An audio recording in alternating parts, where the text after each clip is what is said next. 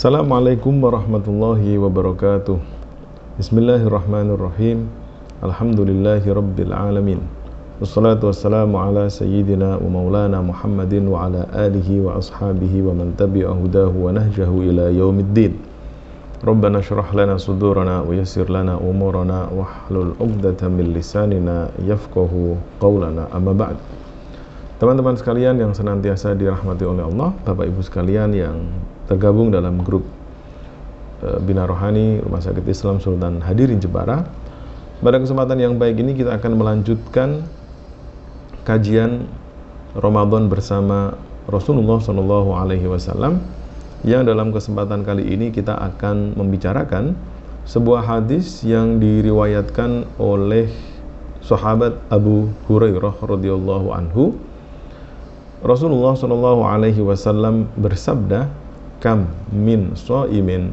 laisa lahu min siyamihi illa dhama'u wa kam min qa'imin laisa lahu min qiyamihi illa sahar hadis diriwayatkan oleh Ad-Darimi. Bapak Ibu sekalian yang dirahmati oleh Allah dalam hadis ini Rasulullah Shallallahu Alaihi Wasallam menyampaikan kepada kita selaku umatnya bahwa banyak sekali orang yang berpuasa tetapi mereka hanya memperoleh dahaga banyak sekali orang yang melakukan ibadah qiyamul lail tetapi mereka hanya mendapatkan lelah. Hadis ini menjadi bahan renungan yang baik bagi kita semua selama aktivitas ibadah yang kita lakukan di bulan Ramadan ini. Kita akan masuk kepada bagian yang pertama, dari sabda Rasulullah Shallallahu Alaihi Wasallam. Beliau mengatakan banyak yang berpuasa, tetapi mereka hanya memperoleh dahaga. Artinya bahwa puasa yang dilakukan tidak memenuhi kriteria yang diharapkan oleh Rasulullah dan syariat Islam. Puasa yang dilakukan masih diimbangi dengan perilaku kemaksiatan sehingga si pelaku hanya mendapatkan dahaga saja. Dia tidak mendapatkan esensi tidak mendapatkan manfaat dari ibadah puasa itu sendiri. Di paragraf yang berikutnya Rasulullah Shallallahu Alaihi Wasallam menyoroti perilaku orang-orang yang berqiyamul lail, menjalankan ibadah di bulan Ramadan, terutama di malam hari. Kita punya sholat tarawih, kita punya sholat tahajud, kita ada sholat witir, sholat hajat, dan masih banyak lagi kegiatan-kegiatan qiyamul lail yang bisa dilakukan oleh orang yang sedang berpuasa di bulan Ramadan. Tetapi yang patut kita waspadai sebagaimana cerminan yang kita dapatkan dari hadis ini Rasul mengatakan banyak yang berkiamul lail akan tetapi banyak di antara mereka yang hanya memperoleh lelah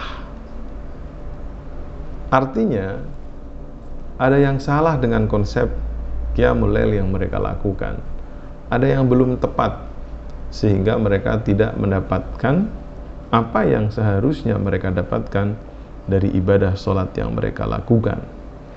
Karenanya ada satu perkataan yang kita dengar dari Rasulullah Shallallahu Alaihi Wasallam. Beliau berkata, "Laisa lil insani min salatihi illa ma uqila minha." Jadi seorang muslim, seorang manusia mendapatkan manfaat sholat itu sesuai dengan apa yang dia pikirkan ataupun apa yang dia angan-angan. Maksudnya seperti ini. Ibadah itu adalah perilaku dengan kriteria tertentu. Akan tetapi ibadah itu pun juga punya tiga dimensi yang harus dipenuhi Bapak Ibu sekalian. Yang pertama adalah dimensi al-qalbiyah. Qalbiyah ini bisa kita artikan dengan kekhusyuan, keikhlasan ketika kita melakukan ibadah. Yang kedua adalah dimensi fikriyah. Fikriyah itu adalah ketika kita bertafakur, ketika kita mengangan-angan, ketika kita melakukan tadabbur, kenapa saya melakukan sholat, kenapa saya memuji keagungan Allah, dan seterusnya. Menghadirkan analisa, menghadirkan pikiran dalam sholat-sholat kita.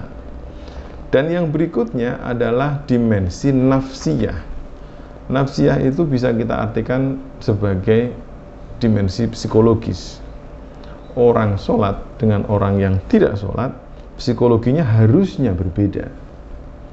Bisa jadi orang yang sholat secara emosional lebih tenang pembawaannya, tidak terburu-buru, tidak dikendalikan oleh emosinya, tetapi justru dia yang mampu mengendalikan emosi dan amarahnya. Nah, permasalahannya adalah ketika ada orang melakukan sholat, ketika ada orang melakukan puasa, tetapi tadi disampaikan oleh Rasulullah, puasanya hanya memperoleh dahaga, sholatnya hanya menghasilkan lelah semata, maka dari tiga aspek yang saya sampaikan, ada yang kurang tepat ada yang belum dipenuhi. Sama halnya ketika kita melakukan sholat. Sholat yang kita lakukan, jika sholat itu menjadi beban atau dilakukan karena keterpaksaan, berarti masih ada unsur kolbiyah, masih ada keikhlasan yang belum terpenuhi secara utuh. Karena orang yang ikhlas itu menjadikan sholatnya sebagai kebutuhan, sama halnya ketika kita melakukan sholat, tetapi kita masih juga di saat yang sama melakukan kemaksiatan. Jangan-jangan fikriyah kita, sholat kita itu tidak disertai dengan tafakur. Kita hanya menjalankan sholat karena itu perintah. Kita tidak pernah bertanya tentang apa hikmah di balik sholat. Kenapa kita harus sholat? Kenapa kita harus membaca suratul Fatihah? Apakah kandungannya? Kenapa kita harus benar bacaan Fatihahnya?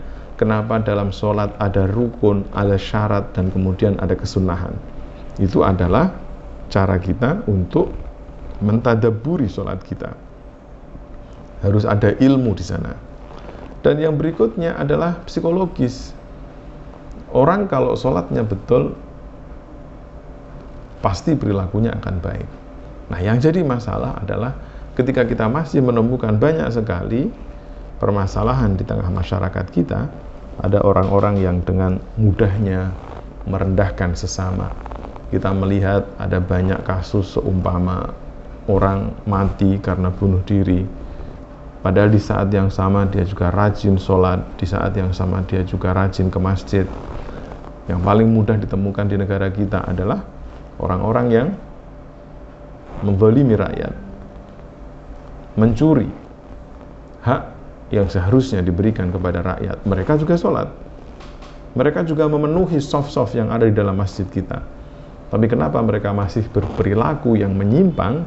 Jawabannya adalah mereka belum menemukan kedamaian dalam sholatnya. Ada aspek yang belum mereka penuhi sehingga ibadah mereka tidak mampu memberikan dampak terhadap perilaku sosial mereka. Nah, di bulan Ramadan yang baik ini kita sudah hampir sampai di sepertiga akhir bulan Ramadan. Karenanya mari kita bermuhasabah setiap kita melakukan puasa, setiap kita melakukan ibadah qiyamul lail, hadirkan tiga aspek tadi, al-qalbiyah, al-fikriyah dan an-nafsiyah. Kolbiyah artinya hadirkan hati kita dalam sholat dan puasa kita. Jangan biarkan pikiran kita ke mana-mana. Hudurul kolbi, khusyuk. Hati harus bersama dengan kita.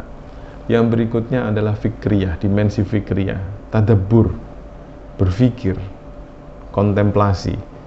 Kita harus berpikir terus. Kenapa seperti ini? Kenapa seperti ini? apa manfaat yang saya dapatkan dari puasa saya, apa manfaat yang saya dapatkan dari qiyamul lail saya, dan seterusnya. An-nafsiyah pun juga demikian. Tentunya masih banyak lagi aspek yang harus kita kaji, aspek yang harus kita pelajari, tapi poin penting yang ingin saya sampaikan pada kesempatan kali ini adalah hati-hati bisa jadi kita merasa sudah berpuasa, bisa jadi kita merasa sudah melakukan qiyamul lail, tetapi dua hal yang kita lakukan tadi belum membawa dampak yang signifikan kepada perilaku kita. Terus kalau seperti itu, apakah berarti kita tidak perlu puasa dan tidak perlu sholat? Tidak demikian pemahamannya, tetapi jadikan itu sebagai bahan untuk bermuhasabah, untuk menelaah kembali apa yang salah dengan puasa dan sholat saya.